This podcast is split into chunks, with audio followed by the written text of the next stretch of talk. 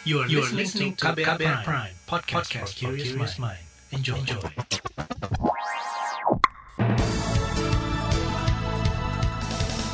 Selamat pagi saudara, senang sekali kami bisa menjumpai Anda kembali melalui program Buletin Pagi edisi Jumat 18 Juni 2021 bersama saya Naomi Liandra.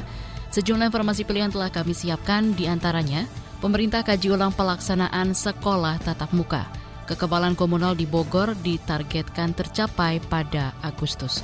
Waspadai varian Delta, balik papan, gencarkan tracing. Terbaru di Buletin Pagi. Pemberlakuan pembatasan kegiatan masyarakat PPKM Mikro menjadi instrumen penentu penyelenggaraan pembelajaran tatap muka PTM terbatas. Hal itu diungkapkan Menteri Pendidikan, Riset dan Teknologi Nadiem Makarim. Rencananya PTM dimulai pada Juli ini, namun pelaksanaannya mengikuti kebijakan daerah terkait COVID-19. Kalau ada peningkatan infeksi di sekolahnya harus ditutup, harus melakukan PJJ, dan kalau daerahnya melakukan PPKM skala mikro, ya itu juga PTM-nya dibubarkan selama waktu PPKM tersebut. Pemerintah tuh sudah ada mekanisme dan instrumen untuk menekan atau merem kenaikan infeksi yaitu PPKM yang sangat efektif. Jadi itu nanti akan membypass PTM terbatas. Jadi kalau kelurahan dan desa itu mengalami PPKM, ya nggak ada sekolah selama dua minggu itu. Menteri Pendidikan Nadiem Makarim menambahkan arahan pemerintah pusat untuk menyelenggarakan sekolah tatap muka tetap berlaku. Namun pemerintah daerah punya kewenangan menunda jika terjadi lonjakan kasus COVID-19 di wilayahnya. Nadiem mengklaim pusat sudah mengupayakan agar para guru divaksin demi mendukung PTM. Jumlah guru yang divaksin sudah lebih dari 33 persen. Sejumlah daerah tengah memantau perkembangan kasus COVID-19 guna memutuskan penyelenggaraan pembelajaran tatap muka. Pemprov DKI Jakarta misalnya menghentikan sementara uji coba PTM karena kasus meningkat sepekan terakhir. Hal itu disampaikan Kepala Dinas Kesehatan Widya Stuti saat konferensi pers virtual kemarin. Dengan kondisi saat ini dan hasil rapat bersama antar Satgas, eh, kita putuskan saat ini sementara eh, tidak dilanjutkan routing tatap muka tadi sambil nanti menunggu uh, bagaimana situasi di DKI Jakarta. Kadis Kesehatan DKI Jakarta Widya Stuti menyebut uji coba PTM terbatas tahap 2 telah diuji coba di lebih dari 140-an sekolah. Ia mengklaim pelaksanaan PTM sejak awal diterapkan dengan pengawasan protokol kesehatan yang ketat. Di Jawa Timur, Wakil Gubernur Emil Dardak terus memantau perkembangan kasus COVID-19 di daerahnya jelang pelaksanaan sekolah tatap muka awal Juli mendatang. Kata dia, peningkatan kasus di Kabupaten Bangkalan menjadi perhatian khusus. Kita terus memperhatikan perkembangan kasus COVID ini. Artinya persiapan-persiapan tetap berjalan, tetapi pelaksanaannya sendiri tentu akan terus memperhatikan perkembangan. Wakil Gubernur Jawa Timur Emil Dardak merujuk pada instruksi Menteri Dalam Negeri dalam memutuskan nasib pelaksanaan sekolah tatap muka. Dalam instruksi itu, Mendagri melarang sekolah tatap muka di kabupaten atau kota yang berada di zona merah. Sedangkan di zona kuning dan oranye dapat melaksanakan sekolah tatap muka dengan pembatasan kapasitas ruangan dan penerapan protokol kesehatan yang lebih ketat. DPR meminta pemerintah tegas terkait rencana sekolah tatap muka. Wakil Ketua Komisi Pendidikan DPR, Dede Yusuf, mengatakan lonjakan kasus COVID-19 harus menjadi pertimbangan dalam memutuskan rencana tersebut. Pusat mestinya tak lepas tangan dengan menyerahkan keputusan kepada daerah. Catatan kami mengenai kesiapan tatap muka di bulan Juli ini, rasanya harus ada ketegasan yang yang tegas dari Kemendikbud dikarenakan saat ini posisi masih bertanya-tanya di tengah meningkatnya COVID-19 terutama di daerah kota-kota besar rasanya ini harus memberikan satu dukungan jangan semuanya langsung diserahkan kepada pemerintah daerah karena ini adalah bencana nasional yang harus kita tanggung bersama. Itu tadi Wakil Ketua Komisi Pendidikan DPR, Dede Yusuf. Anggota Dewan pada umumnya memahami kebutuhan sekolah tatap muka untuk mengurangi risiko kemunduran belajar atau learning loss. Namun sekolah tatap muka riskan digelar di tengah lonjakan kasus COVID-19. Perhimpunan Pendidikan dan Guru P2G meminta pemerintah buru-buru melaksanakan sekolah tatap muka. Ini menyusul lonjakan kasus COVID-19 di sejumlah daerah seperti DKI Jakarta, Jawa Barat, dan Jawa Tengah. Koordinator Nasional P2G Satriwan Salim mengatakan, sekolah tatap muka pada awal Juli tak bisa dipaksakan ke semua daerah mengingat tak semua siap dan memenuhi syarat. pentingnya pemetaan dilakukan oleh Pemprov atau Pemda atau Pemkap, Pemkot adalah untuk memastikan betul-betul siap nggak sekolah itu gitu. Kalau memang mereka tidak siap, ya jangan dipaksa untuk siap gitu kan. Kenapa? Karena uh, persoalannya adalah ini kan mesti disediakan, diadakan, fasilitasnya mesti dibeli, ya kan menggunakan anggaran bos misalnya gitu kan. Nah, sedangkan bos kan keluarnya tidak per bulan gitu. Ini kan menjadi persoalan. Nah, saya rasa daerah-daerah yang seperti ini yang sedang bergejolak ya zonanya merah membara, saya rasa jangan dulu terburu-buru gitu. Koordinator Nasional P2G Satriwan Salim menambahkan pemerintah harus memastikan vaksinasi guru dan tenaga kependidikan tuntas sebelum membuka sekolah. Tak hanya itu, sekolah juga harus memenuhi daftar periksa kesiapan pembelajaran tatap muka yang berisi 11 item di antaranya ketersediaan sarana sanitasi dan fasilitas kesehatan.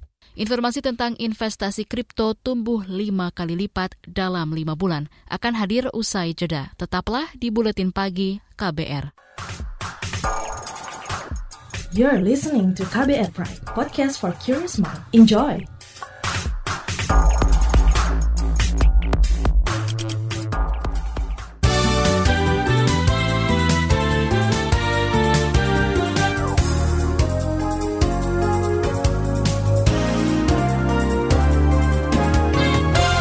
Kabupaten Bogor, Jawa Barat ditargetkan mencapai kekebalan komunal pada Agustus ini. Hal itu diungkapkan Presiden Joko Widodo saat meninjau vaksinasi di Stadion Pakansari, Bogor kemarin.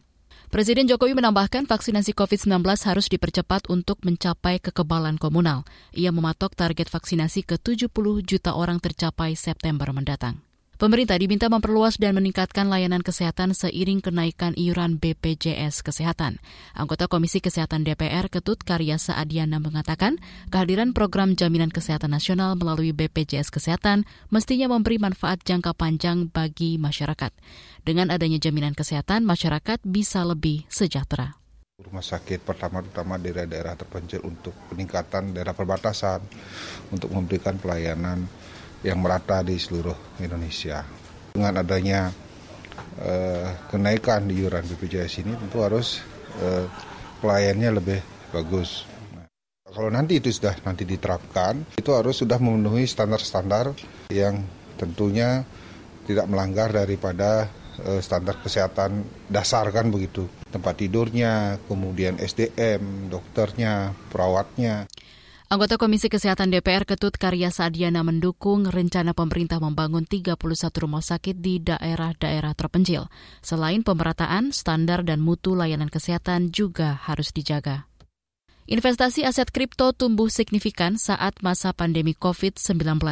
Menteri Perdagangan Muhammad Lutfi mengungkapkan investasi kripto memiliki potensi untuk berkembang di era ekonomi digital. Jadi kalau kita lihat jumlah pemain pada tahun 2020 itu adalah 4 juta orang. Dalam bilangan bulan sampai dengan Mei 2021, pemain di aset kripto sudah tumbuh lebih dari 50 persen menjadi 6,5 juta orang. Dan kemudian kalau kita melihat jumlah yang diperdagangkan transaksinya pada tahun 2020 itu hanya 65 triliun. 5 bulan pertama pada tahun 2021 sudah tumbuh 5 kali lipat menjadi 370 triliun triliun rupiah.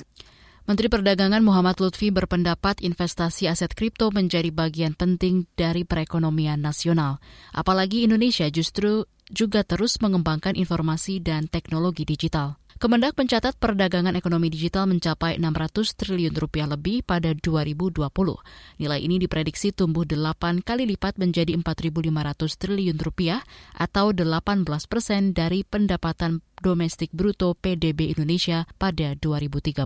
Bank Indonesia menahan suku bunga acuan BI 7 Days Reverse Repo Rate sebesar 3,50 persen. Hal ini disampaikan Gubernur BI Peri Warjio usai rapat Dewan Gubernur BI kemarin. Rapat Dewan Gubernur Bank Indonesia pada 16 dan 17 Juni 2021 memutuskan untuk mempertahankan BI 7-day reverse repo rate tetap sebesar 3,5 persen, suku bunga deposit facility tetap sebesar 2,75 persen, dan suku bunga lending facility tetap sebesar 4,25 persen. Gubernur BI Periwarjo menambahkan keputusan ini konsisten dengan perakiraan inflasi yang tetap rendah, stabilitas nilai tukar rupiah, serta upaya memulihkan ekonomi. Peri memastikan BI terus mengoptimalkan bauran kebijakan moneter dan makroprudensial akomodatif, serta mempercepat digitalisasi sistem pembayaran Indonesia. Kita ke mancanegara. Malaysia tengah mempertimbangkan mencampur dua vaksin COVID-19 yang berbeda untuk meningkatkan efikasi. Dikutip dari CNN, Menteri Sains Malaysia Khairi Jamaluddin mengatakan metode yang disebut vaksinasi heterologi ini sudah mulai diteliti di berbagai negara. Ia mengutip hasil riset dari Jerman yang menggunakan vaksin buatan AstraZeneca untuk dosis pertama dan vaksin buatan Pfizer untuk dosis kedua. Hasilnya ada peningkatan antibodi dan lebih efektif melawan mutasi baru. Malaysia hingga saat ini terus menggenjot program vaksinasi. Negeri jiran ditargetkan mencapai kekebalan komunal pada akhir tahun ini. Kita beralih ke berita olahraga dari ajang Piala Eropa 2021. Timnas Belanda melaju ke babak 16 besar usai menggasak Austria 2-0 pada lanjutan laga grup C di Stadion Johan Cruyff Arena dini hari tadi. Tim Oranye langsung unggul di menit 11 lewat eksekusi penalti Memphis Depay usai Denzel Dumfries dilanggar di kotak terlarang. Di babak kedua, giliran Dumfries mengadakan keunggulan di menit ke-70 lewat serangan balik. Di grup B, Belgia juga lolos ke 16 besar setelah menundukkan Denmark dengan skor tipis 2-1. Belgia lebih dulu tertinggal di babak pertama sebelum akhirnya mencetak dua gol gol balasan lewat Torgan Hazard dan Kevin De Bruyne di babak kedua. Saudara, pemerintah berencana mengeluarkan peraturan presiden tentang rencana aksi nasional pencegahan dan penanggulangan ekstremisme. Meski sempat menuai polemik, rencana ini akhirnya akan diwujudkan. Simak laporan khas KBR sesaat lagi. Tetaplah di Buletin Pagi. You're listening to KBR Pride, podcast for curious mind. Enjoy!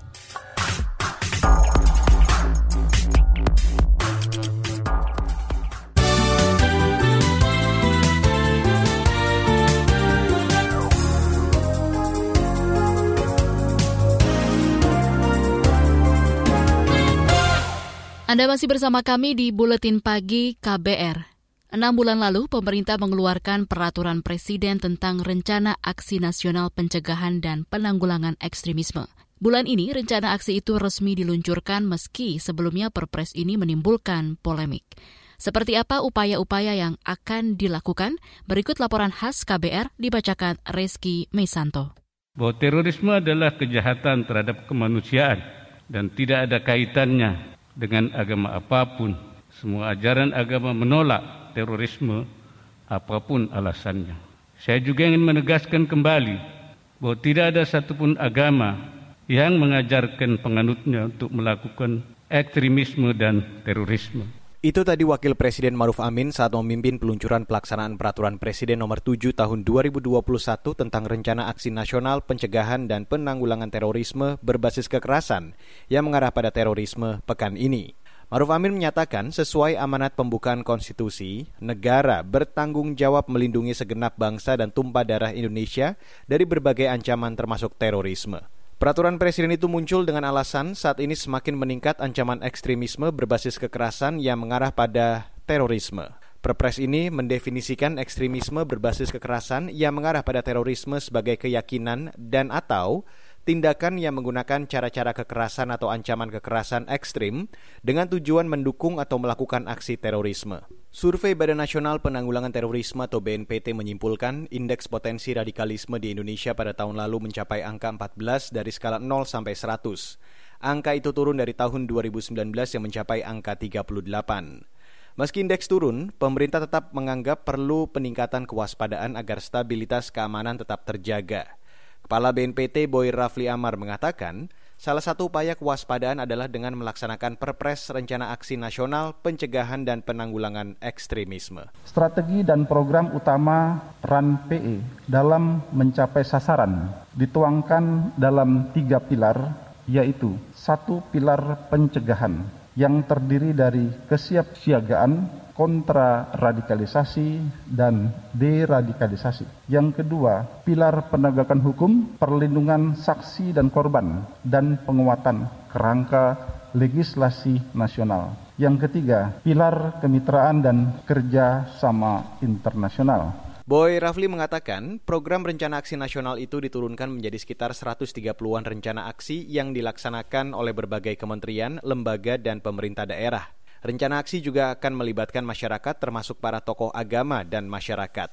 Rencana aksi nasional ini akan berlangsung hingga 2024 mendatang. Di antara upaya-upaya yang dilakukan antara lain menyusun alat atau sistem deteksi dini berbasis komunitas untuk mencegah ekstremisme yang bisa mengarah pada terorisme, penyusunan kurikulum pencegahan ekstremisme di kalangan kementerian, lembaga, komunitas masyarakat hingga lembaga-lembaga pendidikan dan tempat ibadah. Selain itu, ada juga pelatihan moderasi beragama dan pencegahan ekstremisme bagi para penceramah keagamaan, jurnalis, lembaga penyiaran, serta para guru dan dosen di setiap jenjang lembaga pendidikan. Dalam rencana aksi ini, pemerintah juga akan membuat daerah percontohan untuk memperkuat daya tangkal terhadap ekstremisme. Selain itu, pemerintah akan memberikan penghargaan bagi masyarakat yang berpartisipasi melaporkan atau merespon ekstremisme. Lahirnya perpres ini bukan tanpa polemik. Pegiat hak asasi manusia Haris Asar menyebut, definisi ekstremisme yang belum jelas dikhawatirkan bisa menimbulkan konflik sosial. Bayangkan misalnya di satu tempat ada perkumpulan, tiba-tiba ada ada luapan emosi seseorang atau sekelompok orang yang memberikan kritik kepada negara. Lalu ada diam-diam di tempat acara tersebut melaporkan ini sebagai sebuah tindakan ekstremisme. Menurut saya itu kan jadi membuka ruang konflik di masyarakat. Alih-alih mau menyelesaikan kekerasan atau ekstremisme yang tadi dalam definisi politis ataupun sosial, dia malah menciptakan konflik horizontal. Pegiat hak asasi manusia Haris Asar meminta agar tanggung jawab menjaga keamanan tidak melibatkan masyarakat guna menghindari konflik. Laporan ini disusun Agus Lukman, saya Reski Mesanto. Informasi dari berbagai daerah akan hadir usai jeda. Tetaplah bersama Buletin Pagi KBR. You're listening to KBR Pride, podcast for curious mind. Enjoy!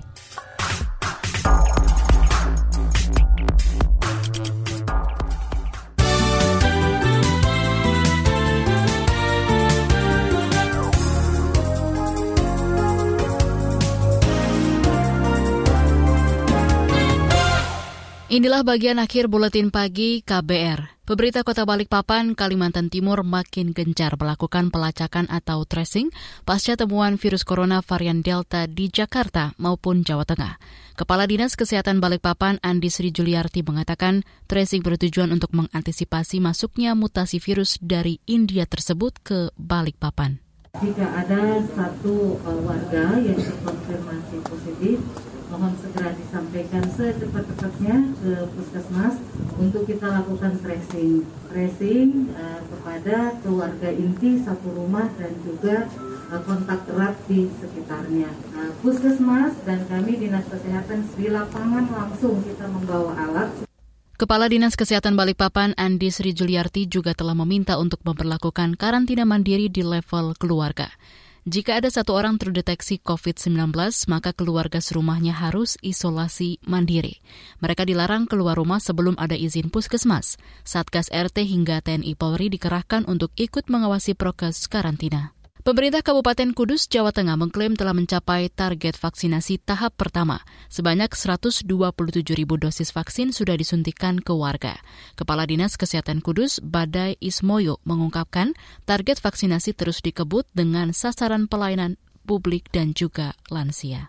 Temanya kita sama, kita sudah uh, berhasil untuk melakukan vaksin sesuai dengan target sudah di atas 40 persen. Kan begitu. Lah ini sedang dilaksanakan yang fase keduanya dosis kedua ya sehingga terpenuhi sebanyak target gitu.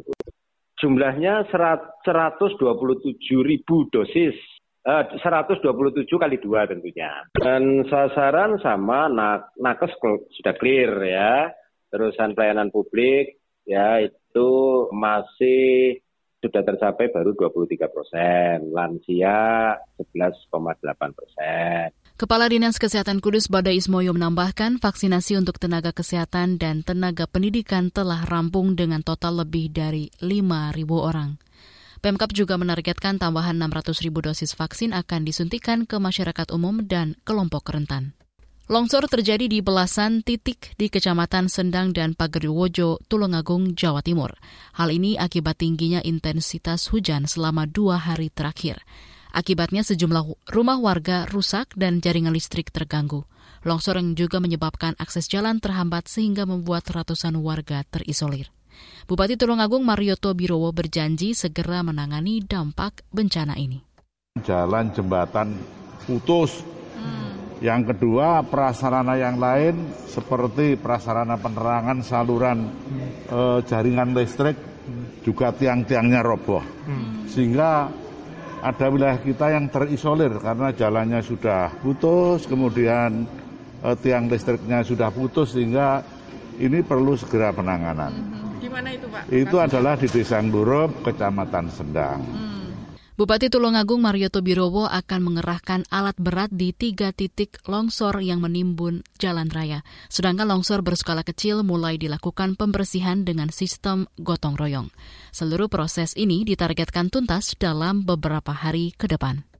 Informasi tadi menutup jumpa kita di Buletin Pagi hari ini. Pantau juga informasi terbaru melalui kabar baru, situs kbr.id, Twitter kami di akun @beritaKBR, serta podcast di alamat kbrprime.id. Akhirnya saya, Naomi Liandra bersama tim yang bertugas undur diri. Salam.